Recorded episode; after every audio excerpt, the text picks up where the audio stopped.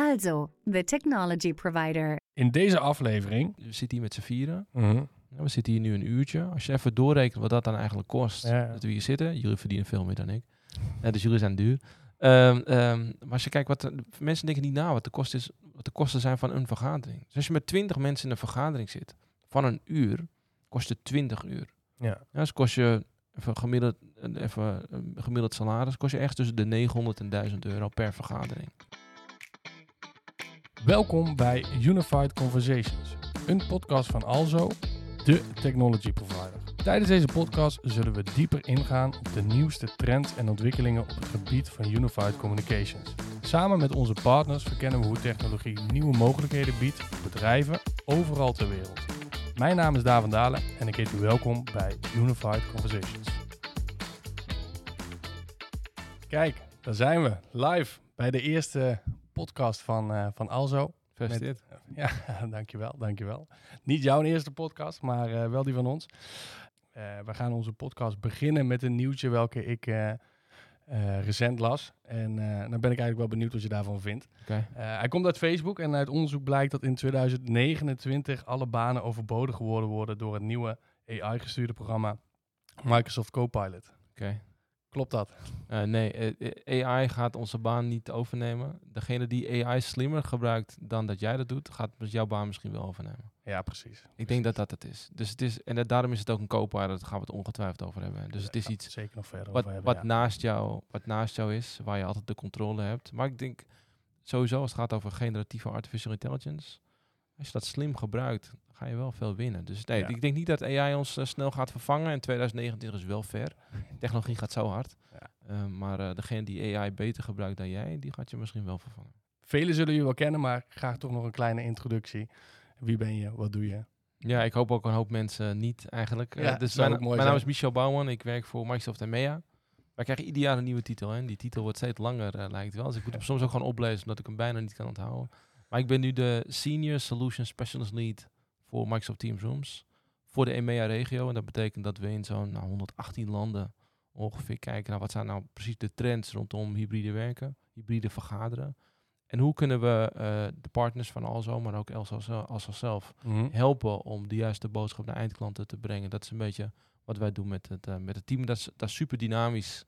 Dus dat betekent dat ik nou, podcast doe met jullie, eh, op event sta. Ja. eh, en tegelijkertijd. Dus ik doe het altijd een beetje voet in de modder, hoofd in de wolken. Dus je bedenkt de strategie voor heel die EMEA-regio. Ja, En tegelijkertijd doe je ook het werk. gaaf. Ehm, welkom. Eh, we begonnen onze podcast natuurlijk met een, eh, met een, met een nieuwsartikel. Ehm, maar het is denk ik wel een heel belangrijk onderwerp waar we het vandaag over willen gaan hebben. En dat ook in combinatie met Microsoft Teams Rooms. Want ik denk Mhm. dat daar veel voordelen uit voort kunnen komen. Ehm, ik heb er het een en ander van gezien. Jij bent er volgens mij ook wel redelijk een ambassadeur over. Maar kun je me kort wat vertellen over Copilot? Ja, dus misschien terug naar het, eh, naar het begin. Hè. Dus je ziet, veel mensen zijn dan begonnen met ChatGPT, eh inmiddels al, ik denk zo'n jaar geleden. Ja. Dus wat we hebben gedaan, is we hebben GPT-4 naar de cloud gehaald, naar Azure gehaald. Dus het is een OpenAI Azure model. Dat betekent dat iedere regel die je hebt ingesteld rondom compliancy, privacy en security, dat die meegaat. Dat is belangrijk. Ehm, dat combineren we vervolgens met de Microsoft Graph, wat de datalaag is onder Microsoft 365 diensten, eigenlijk alle Microsoft diensten. Dus daar zitten je SharePoints, je e-mails, je conversaties. Allemaal op een, op een veilige manier opgeslagen natuurlijk. Daar is niks aan veranderd. En dat combineren we dan met het internet en met alle Microsoft 365 apps. En wat je dan kunt doen, is je kunt met de gewone taal, kun jij zeggen, hey, vertel me wat tot nu toe allemaal in deze vergadering is besproken. Ja. Of je kunt zeggen, help me met het voorbereiden op mijn dag en geef me per vergadering die ik heb twee of drie punten eh, waarvan ik van op de hoogte moet zijn. Of je kunt zeggen, help me met het maken van een PowerPoint slide. Of je kunt, me je kunt vragen, eh, help me met het analyseren van de data in Excel en grafieken te maken. En het gaaf is dat je dat ook allemaal samen kunt doen. Dus je kunt, even terug naar die PowerPoint, je kunt dus zeggen, hey, pak nou die grafiek die je net voor me hebt gemaakt in Excel, in combinatie met de meetingnotities uit die teamsvergadering, en Mhm. maak daar drie professionele PowerPoint slides van.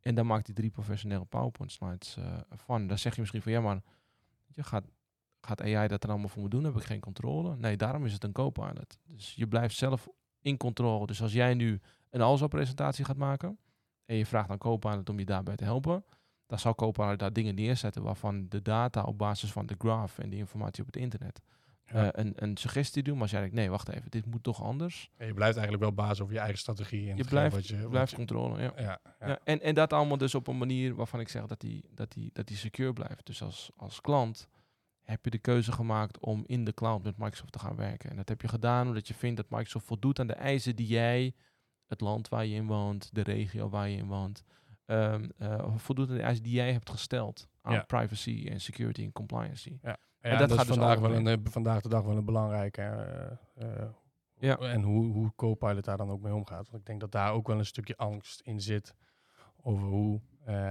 zo'n artificial intelligence daarmee omgaat. Ja, dus als je dan kijkt hoe het model werkt, en dan worden we misschien iets technischer. Ehm, eh, dus je maakt een prompt, hè, dus dat is de manier hoe jij praat tegen een model. Dus daar zeg je Mhm. iets tegen. Vervolgens gaat dat naar de graph, dus die datalaag. Ja. Dat noemen we grounding. Dat maakt het prompt beter. Dus we maken het prompt beter en dan gaat dat prompt gaat naar het large language model. Daar wordt de tekst teruggemaakt. Vervolgens gaat die terug naar de graph. En doen we al onze AI-checks die we bij Microsoft hoog in het vaandel hebben. Ja. En dan gaat hij weer terug naar, eh, naar de gebruiker. We trainen nooit user data met dat large language model. Dus dat blijft allemaal gescheiden. Ja. Je data gaat dus ook niet buiten je cloud regio. Dus Ja, het blijft ook allemaal in je eigen, in je eigen regio, in je eigen tenant. Ja. in je eigen tenant. En dat is denk ik heel belangrijk om te weten voor, Ja. voor klanten. Ja, zeker, zeker. En ehm, stille aanname, jij hebt er waarschijnlijk al heel lang gewerkt ook met de beta-versie. Mm. Eh, hoe heeft het jouw productiviteit verhoogd? Is, is dat voor jou echt, heb je echt gemerkt van, nou, dit, dit was voor mij wel echt Ja. eye-opener. En, en, en als ik nu naar mijn tijd kijk, kan ik heel makkelijk de dingen die ik net omschrijf, een stukje strategie bedenken, daarnaast events en dergelijke mooi met elkaar koppelen. Eh, ik heb tijd vrij. Ja, dus ik, ik denk dat ik ongeveer een uur, anderhalf uur per dag nu bespaar door het goed inzetten van Copilot. En dat klinkt misschien een beetje als wij van WC End adviseren WC End. Eh, hoe ik het veel gebruik, is ik, ik gebruik het persoonlijk met name in, eh, in Outlook Ja. en, in, en in Teams. Mhm. Dus als ik, mijn, dus als ik zo meteen weer in de auto stap, dan eh, heb ik daar de groepschat van met alle Team Zooms experts ter wereld. Er zitten 500, 600 mensen in. Ja. Daar wordt constant wordt daarin gesproken, worden vragen ingesteld, worden antwoorden gegeven, worden suggesties gedaan. Dus ik vraag aan Copilot, hey, wat is er in de afgelopen 24 uur allemaal besproken? Welke vragen zijn er gesteld en welke antwoorden zitten daarbij? Dus iedere moeilijke vraag die daar wordt gesteld, want iedere vraag die daar wordt gesteld is een moeilijke vraag, Ja. is ook meteen een antwoord bij. Dus dat helpt mij beter om, om meer skill te raken. Eh, maar ook op de hoogte te blijven van wat er in mijn team gebeurt. Ja, dus ook zeker. onze eigen groepschat eh, of, of Steam channels. Ja, daar gebeurt heel de dag van alles. Ja, wat is nou, wat gebeurt daar precies? Maar ook als ik eh, eh, Outlook open, ja, zit, Outlook zit redelijk vol. En iedereen die mij een beetje volgt, weet dat ik redelijk strikt ben op mijn inbox. Eh, maar ook mijn inbox zit gewoon vol. Ja. En nu vraag ik Outlook, ehm, eh, vertel me wat er in mijn inbox gebeurt. Of vraag ik Copilot, wat, vertel me wat er in mijn inbox gebeurt. En ik krijg een overzicht van wat er gebeurt. En tot op welke level is dat dan ge- ge- gebeurd? Dus dan kun, je, dan kun je dus in principe, als je maakt een summary is van alles wat in je inbox zit. Mhm. Eh, wat je ook zou kunnen doen, en ik weet zeker dat iedereen dit wel eens heeft meegemaakt. Je krijgt bijna iedere dag komt er wel zo'n mailtje waarin staat: Hey, Ed Daan, weet jij dit? Punt. Ja. En er zitten zes e-mails onder. Ja, dus dan moet je uit die e-mails daaronder moet je gaan uitvinden wat is er allemaal besproken en wat wordt er eigenlijk van mij gevraagd. Ja. Nu vraag je Copilot, maak voor mij een opsomming van een samenvatting van wat er in deze mail staat. En binnen een paar seconden heb jij duidelijk wat er in die zes e-mails staat en wat er van jou verwacht wordt. In Nederland, dus ik heb een internationale rol. Eh, in Nederland zijn we vrij direct. Mhm. Ja, dus Ja. ik kan jou sturen, hey Daan, goed idee, ik zie je later. Ja. Ja, en dan- of andersom. Of kan andersom. ook. Ja, en, mag da- ook. en dat is helemaal prima. Ja. En, ehm, eh, maar in andere landen is dat anders. Dus wat ik, hoe ik Copilot ook veel gebruik, is om mij te coachen. Dus ik typ mijn e-mail. En als ik die bijvoorbeeld naar iemand in Frankrijk moet sturen, weet ik dat mijn, dat mijn toon iets anders moet zijn dan hoe ik ben. Dus ik vraag nu, help me met coachen. En dan zegt Copilot, ja, je gebruikt dit woord, misschien kun je dat woord beter Ja. anders doen en gebruik dan dit woord in plaats daarvan. Ja, dus ik word, ik, word, ik, word, ik word productiever. Ik word zelf ook slimmer. Maar het is wel, dat is eigenlijk ook precies wat je zegt. Jij weet dat je daarin met culturele verschillen werkt. Dus daarom ga je, stel jij die vraag. Ja, maar ik schrijf bijvoorbeeld ook ehm, mijn business reviews. Mhm. Dus ik moet iedere maand moet ik rapporteren aan management. Ik, schrijf mijn, ik weet van mezelf, ik kan goed praten. Ja. ja. Dus ik ben een goede spreker. Ik ben echt een slechte schrijver. Ik kan heel slecht schrijven. Ehm, en, en, en dus helpt, helpt Copilot helpt mij om een betere schrijver te worden. Dus ik schrijf mijn business review. Mhm. En vervolgens zeg ik tegen Copilot of Bing Chat Enterprise. ehm, zeg ik, hey, help me met het, eh, met het controleren van deze tekst. Ja. En, en geef me advies over welke dingen ik anders kan doen. Ja. En dan worden daar zinstructuren of woorden worden er gebruikt. Die Teentjes, ik, teentjes. waarvan ik normaal denk van, oh, wauw, ja, zo had ik het inderdaad beter kunnen zeggen. En Ja. ik merk nu, dus ik ben, zit nu vijf, zes maanden ben ik, ben ik ehm, Copilot aan het gebruiken. Ik merk nu dat ik een veel betere schrijver aan het worden ben. Na zo'n korte tijd dat ik er al mee heb, eh, heb doorgebracht. Dus los van dat het me veel Dus, tijd eh, bespaart. oh, dus zeg maar, ehm, je, leert er zelf ook van, bedoel je? Heel veel. Ja. dus los van dat het me veel productiever maakt, ehm, merk ik ook dat het, mijn, dat het mijn kennis veel breder maakt. Dat ik de modellen gebruik om me tips te geven over hoe ik dingen, bepaalde dingen eh, anders kan doen. Het, het is hetzelfde als als ik het in Excel gebruik. Dus ik ben, als ik data zie, dat snap ik redelijk goed. Ik ben Mhm. niet zo goed in visualisaties maken. Ik weet ik nooit waar ze zitten. Weet je, zit het onder insert, zit het onder data, het zit daar ergens. Maar ik weet nooit precies. Soms moet ik zelfs naar YouTube gaan om te kijken, oh wacht even, hoe doe ik dit ook weer in Excel? Ja. ja of ik wil een of andere lastige formule maken. Ja. Nou, nu zeg ik tegen Koopvaart, hey, ik wil dit graag bereiken. Kan je me helpen? Dan krijg ik de formule. Soms maakt hij de formule al voor me. Zegt hij, ja, ik heb nu wat je wil in kolom H voor je gezet. Ja, of hey, maak een grid met de meest, met de meest eh, relevante visualisaties en plaats die in een nieuw tab. En binnen secondes heb je een tab en daar zitten acht, negen visualisaties in. Waarvan ik denk, oké, die stop, die heb ik eigenlijk niet nodig. Die is mooi, die moet ik zo aanpassen. Oké, let's go. En dan, en dan kan ik door. Ja. En dat zijn voor mij, dus dat zijn game changers. Ja, Ik zeker. vind dat als je, als je makelaar bent, moet je huizen verkopen. Ja, als je, als je eh, eh, distributeur bent, moet je bezighouden met distributie. Mhm. Als je verkoper bent, moet je bezighouden met verkopen. Ja. Als je in een ziekenhuis werkt, moet je bezighouden met mensen verzorgen. Ja. En niet bezighouden met technologie. En wat ik ook denk is dat, ik denk veel vandaag. Eh, wat ik ook denk is dat, ehm, wat je altijd hebt gezien met technologie is, we hebben allemaal moeten leren hoe technologie werkt. En er wordt maar, ik geloof iets van 3 of 4 procent van alle features die in Microsoft 365 zitten, die worden gebruikt. En wij nerds, ik beschouw ons als een nerds, compliment. Eh, wij snappen hoe tech werkt. Maar er zijn zoveel mensen die helemaal geen, die helemaal geen idee hebben van hoe dit zo, wat je allemaal kan met technologie. En dan hoe je het dan moet doen. En hoe vertaalt zich dit dan naar Copilot? Ja, dus nu zeg je gewoon wat je wilt bereiken. En Ja. dan wordt het voor je geregeld. Ja. Ja, dus misschien wordt er een formule gebruikt waarvan ik niet wist dat die bestond in Excel. Maar hij wordt wel gebruikt. En alleen maar doordat ik zeg, hey, ik, wil, ik wil dat en dat wil ik bereiken en met dat vergelijken. In die kolom. Ja. En dan krijg ik daar het resultaat. Vet. Nou, dus ja, ik merk dat ik er zelf ook wel redelijk enthousiast over word, over het onderwerp. En ja, ik, ik ga het ook, eh, ook zeker, eh, zeker gebruiken. Eh, want, ja, ik geloof er wel in dat eh, als we weten hoe we ermee omgaan, dat het zo'n productiviteitsverhoging kan, kan opleveren. En nou, ik vind eigenlijk ook wel mooi wat je zegt. Het, het maakt mij eigenlijk, het maakt mij slimmer. Mhm. Eh, jij leert er zelf ook nog van als je kijkt naar, eh, naar het schrijven. En dat laat je meer focussen. Ja. Dus ook in, in Teams meetings.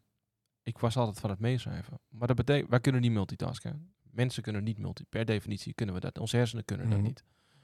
Eh, nu maak ik geen notities meer. Ja. dus ik gebruik, als ik te laat kom in een meeting, kom niet zoveel voor, maar als ik te laat kom, zeg ik, hey, wat is er tot nu toe al besproken? Ja. Is er al gesproken over X, Y en Z? Nee, nog niet. Oké, maak dan een tabel met dingen die wel zijn besproken, wat eruit is gekomen, welke beslissingen er zijn gemaakt. Welke dieptevraag kan ik stellen over dit onderwerp?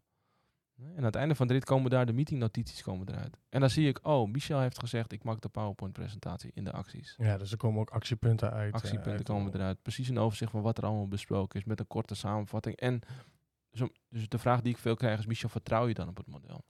Ja. hallucineert AI niet. Dus AI hallucineert soms. Ja. Eh, ik zie het steeds minder, moet ik zeggen, in, in Copilot. In het begin was het iets meer. Wat er gebeurt is in dat voorbeeld wat ik je net vertelde, waarbij je een samenvatting krijgt van een vergadering. Mhm. Waar dus staat, er is gesproken over de distributiestrategie van Alzo met betrekking tot Copilot en Teamsrooms. Ja. Daar staat er een eentje bij en als je op dat eentje klikt, zie je precies op basis waarvan die conclusie is getrokken door het model. Ja, dus je kunt ook een soort van cross-check doen van, oh, datgene wat is gezegd, waar, haal je dat, waar heb je dat eigenlijk uitgehaald? Of als je ook wil toch nog even een stuk terug naar dat stuk. En dan kan je terug naar het stuk. Het gaat eh, ver. En dat is pas het begin, dat is het enge. Ja. ja. Ehm, nou ja, op zich eh, heb je daarmee ook al, al mijn volgende vraag wel redelijk, eh, redelijk beantwoord. Ik, ik was namelijk wel benieuwd hoe Copilot in combinatie met Microsoft Teams Rooms Hmm. benefits oplevert. De, de uitdaging in een, in een ruimte, Als we even helemaal terug aan het begin. Hè. Dus voor de pandemie, als je in een, in een vergadering zat en je was virtueel, was je Hmm. altijd te vlieg op de muur. Ja. Het was moeilijk om een connectie te bouwen met, met mensen. Als je geluk had, stond er zo'n speakerpuck op tafel. Mhm. Je kon meeluisteren. Als je heel veel geluk had, draaide iemand zijn of haar laptop om en dan kon je een beetje meekijken in die, eh, in die vergadering. Maar het nooit het gevoel dat je, dat je verbinding had. En toen gingen we massaal thuiswerken met z'n allen. Ja. En toen zaten we allemaal in dat driehoekje. eh, Of in, niet, geen driehoekje, dat zou grappig zijn. In dat vierkantje, waarbij, eh, waarbij allemaal hetzelfde was. Hoe gaan we die twee werelden nou bij elkaar brengen weer? Dus hoe zorgen we ervoor dat iedere meeting, dat iedereen het gevoel heeft dat ze betrokken zijn? In Nederland, in twee op de drie vergaderingen, zit minimaal één virtuele deelnemer of deelnemster. Ja. Dus wat we nu doen met Teams Rooms is, we kunnen ervoor zorgen dat mensen elkaar kunnen aankijken. Non-verbale communicatie is belangrijk. Hè? Kijk Ja. maar vanavond naar je favoriete serie. Als ze willen dat je, dat je, een, eh, dat je eh, het gevoel krijgt van wat er gebeurt met de acteurs of actrices, filmen ze altijd de ogen. Ja. Als ze niet willen dat je een participant bent, maar meer een toeschouwer, filmen ze altijd van boven of ver. Dat concept is in vergaderruimtes hetzelfde. Ja. Maar de uitdaging die je dan nog steeds hebt, is als je virtueel inbelt en je kijkt in zo'n vergaderruimte waar vier mensen zitten. Wat je eigenlijk wil is dat al die vier mensen, dat ze allemaal in hun eigen vierkantje zitten.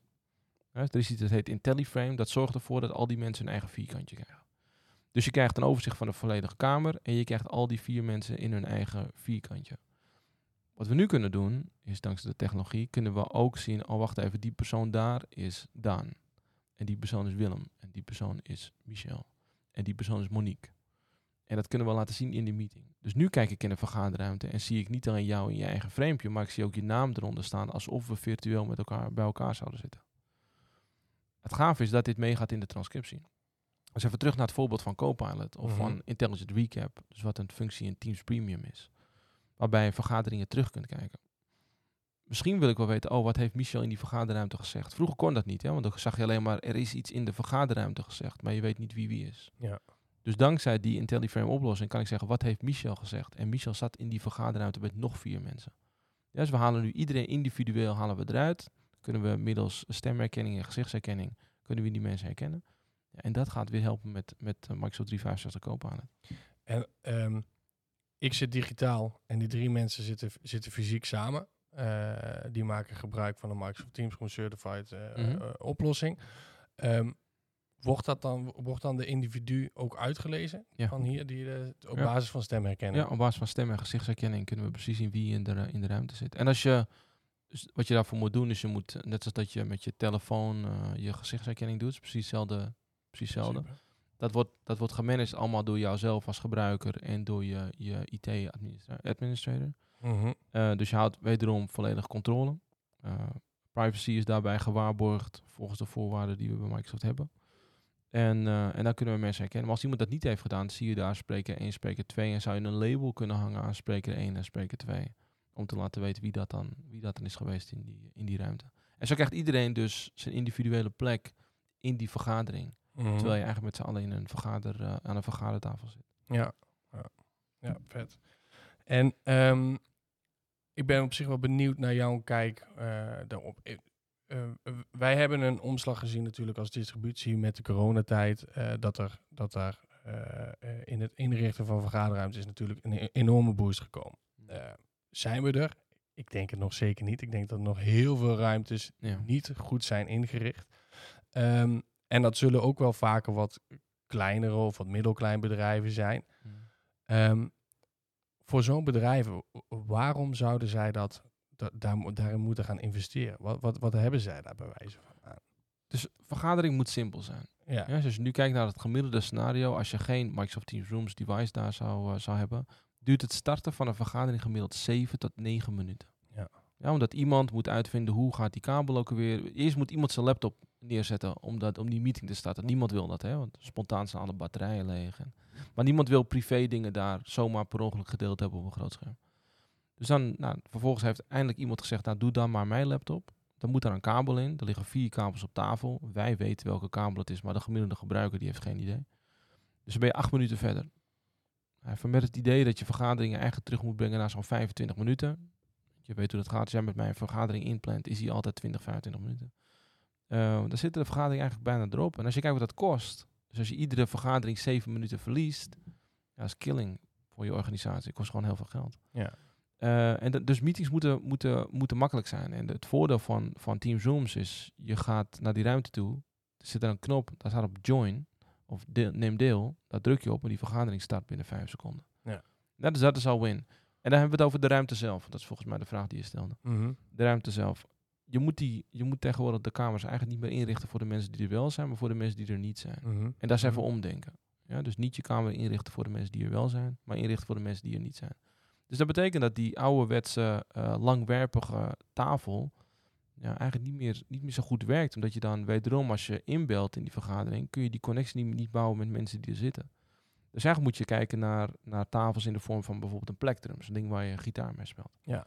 Waardoor iedereen aan tafel zich aan kan blijven kijken, eh, elkaar aan kan blijven kijken. En eh, je tegelijkertijd ook kunt zien eh, wat er in die meeting gebeurt. En dus ook oogcontact kunt maken met degene die thuis zit of wherever die persoon dan precies zit. Dus het is anders nadenken over, over ruimtes. Ga ook eens een hoge tafel achter in de ruimte plaatsen met twee stoelen. Ja. als iemand laat binnenkomt, hoeft hij niet de meeting te verstoren, verstoren Mhm. maar gaat hij aan die hoge tafel zitten. Ja. Als iemand een belangrijk bericht krijgt, privébericht, moet beantwoord worden, ja, ga je niet aan een vergadertafel doen. Sta je op, ga je aan die hoge tafel zitten. Ja. dus het is heel erg omdenken van wat is nou, joh, wat is nou een vergaderruimte en wie, wie willen we daarbij dienen? Ja, en, en- en uiteindelijk moeten ze er ook de, de waarde van zien om die investering te doen. Hè? Want op het moment dat je de, de ruimte ook helemaal gaat ap- aanpassen, zoals dat je, dat je zegt, je gaat met nieuwe, nieuwe vormen werken, eh, eh, eh, je moet het apparatuur hebben, eh, dat kost bij elkaar toch wel wat. En dat Mhm. zal voor sommige bedrijven ook wel echt een overweging zijn, denk ik, om het niet te doen of om er nog niet naar te kijken. Ja, maar stel, dus de, een, een vergadering moet nooit meer dan zeven mensen hebben. We weten dat de gemiddelde vergadering zitten veel meer mensen. Maar Mhm. bij iedere na zeven neemt de productiviteit met 10% af. Er is onderzoek naar gedaan. Maar stel je zit met zeven mensen in een call. En die call, die duurt een, eh, een call duurt een uur. Ja? Dus dat betekent dat je 70 minuten ben je al, eh, ben je al kwijt. Of eigenlijk, ben, je- sorry, nee, dat is niet waar. Je bent zeven uur ben je al kwijt aan, aan de kosten die, je die je maakt voor zo'n vergadering. Dus doe eventjes die 7 uur maal het gemiddelde uurloon van die mensen die daar zitten. Dus zeg even dat, eh, dat de gemiddelde persoon eh, zo 30, 50 euro kost. Dus dat betekent dat iedere vergadering eigenlijk al 350 euro kost. Ja. Ja, dus als een vergadering niet goed werkt, niet effectief, niet productief is, heb je dus al met één vergadering 350 euro is weg. Ja. Ook als we kijken hier, hoe we, met, we zitten hier met z'n vieren. Mhm. Ja, we zitten hier nu een uurtje. Als je even doorrekent wat dat dan eigenlijk kost, dat we hier zitten. Jullie verdienen veel meer dan ik. Dus jullie zijn duur. Ehm, ehm, maar als je kijkt, wat de- mensen denken niet na wat de, kosten is, wat de kosten zijn van een vergadering. Dus als je met 20 mensen in een vergadering zit, van een uur, kost het 20 uur. Ja. Ja, dus kost je even gemiddeld, een- even gemiddeld salaris, kost je echt tussen de 900 en 1000 euro per vergadering. Ja. En zo moeten we denk ik denken. En dan als je naar een Team Zooms device kijkt, die nu al beginnen bij of 800, 900 euro. Ja. eh, dan is de, is de rekensom eigenlijk heel snel gemaakt. Dus je moet Ja, dan, he- naar- nou ja, dan heb je het er wel alleen over. Maar ik snap inderdaad wel wat je zegt. De rekensom is dan wel. eh, terug naar wat ik net zei over, over koopmaand. Weet je, als je, als je, als je huizen verkoopt, eh, makelaar bent, moet je huizen verkopen. Ja. En niet heel de dag in vergadering zitten. Dus een vergadering moet, vergaderingen moeten niet zijn om te informeren. Vergaderingen moeten zijn om beslissingen te maken. Mhm. Dat ten eerste. En daarnaast moeten ze, moeten ze effectief, productief en snel zijn. En je moet geen tijd kwijt zijn aan het, aan het installeren van technologie. Ja. Gaan twee laptops per jaar stuk. Er gaan twee laptops per jaar stuk. eh, alleen al eh, doordat iemand een, een eh, HDMI-kabel in een USB-poort stopt. Ja? Kan ik bijna niet geloven. Hè? Als ik Nee. dat vertel tijdens mijn, tijdens mijn keynote, zijn er altijd mensen die beginnen te lachen. En dat zijn vaak de mensen die het, die het scenario herkennen. Dus dat gebeurt gewoon binnen organisaties. En als je dan kijkt naar ons distributie en eigenlijk naar ons, ons klantenbestand, daar zitten, daar zitten heel veel klanten die, die wel de potentie hebben om heel veel met Microsoft Teams Rooms te kunnen doen, maar het Mhm. op dit moment om welke reden dan ook nog niet doen. Mhm. Wat zou jij die resellers willen meegeven en, en waar, moeten ze, waar moeten ze beginnen? Ja, dat, dat speelveld is nu volledig aan het veranderen. Mhm. En ik vergelijk het met de tijd dat we van on-prem naar cloud gingen. Of de tijd dat we van, van eh, jaarlijkse contra- contracten naar CSP gingen. Ik weet nog goed dat ik hier in ditzelfde gebouw stond om te vertellen over, over CSP. En er zaten, ik denk, 30 partners in de zaal. En Ja. er zeiden er, zeiden er 25, zeiden, ah, ik weet niet. Weet je, wij zijn gewend om grote bedragen in één keer te krijgen. Onze klanten willen dit niet. We gaan hier niet, eh, we gaan hier niet mee aan de slag. Er zijn er vijf, dat doen we wel. En die vijf gingen harder groeien dan wie dan ook. De manier hoe, hoe Alzo zijn positie in de markt heeft, heeft weten neer te zetten zo'n vijf, zes, zeven jaar geleden, Mhm. is omdat jullie dat stuk heel goed onder de knie hadden. Dat, dat maandelijkse, die subscription modellen. Ja. Dus je ziet harder Hetzelfde gebeurt nu in de AV-wereld. Dus wat je ziet is dat er heel veel partners zijn die denken, oh wacht even, het zijn allemaal moeilijke, ingewikkelde, grote projecten. Waar we in één keer heel veel geld verdienen. Maar het, het uitrollen van een Team Zooms device wordt steeds makkelijker. Ja. Dus ik weet niet wanneer dit live gaat, maar eh, met Ignite, wat eh mid-november is, gaan we een aantal grote aankondigingen doen rondom eh, one-touch of zero-touch deployment van Team Zooms. En dan ga je bijna het, het AV-deel, is al bijna eruit, dan wordt het allemaal het IT-deel. En, en de partners van Alzo zijn, kennen het IT-deel heel goed. Ja. Ja, dus de IT-partner die nu luistert, jij snapt hoe Intune werkt. Jij snapt hoe Teams werkt. Jij snapt hoe je, hoe je Microsoft 365 uit moet rollen. Ja. En dus gaat er een wereld voor jou als Alzo partner nu open, omdat je opeens ook controle kan krijgen over de meetingruimte. Dus voorheen manage je misschien het datacenter met Azure. Eh, je managt de, de werkplek met Microsoft 365. En nu krijg je ook ruimte in de, in de meetingruimte. Dus opeens kun je ook de meetingruimte gaan managen. En dus krijg je nog meer buy-in met de klanten die je hebt. De volgende stap is je gaat het hele kantoor straks managen. Dus je ziet dat je als, als also partner, zie je dat er een opportunity nu opeens opent die voorheen best wat verder weg was, Ja. omdat AV heel lastig was. Ja. Nou, Ja. AV is niet meer lastig. En alles is verkrijgbaar bij Alzo. Licenties, hardware. Ja, dan moet er nu een soort van jingletje achteraan, een soort van leuk geluidje. ja, ja. Ja, precies. Ja, precies. En, en als we kijken naar het toekomst.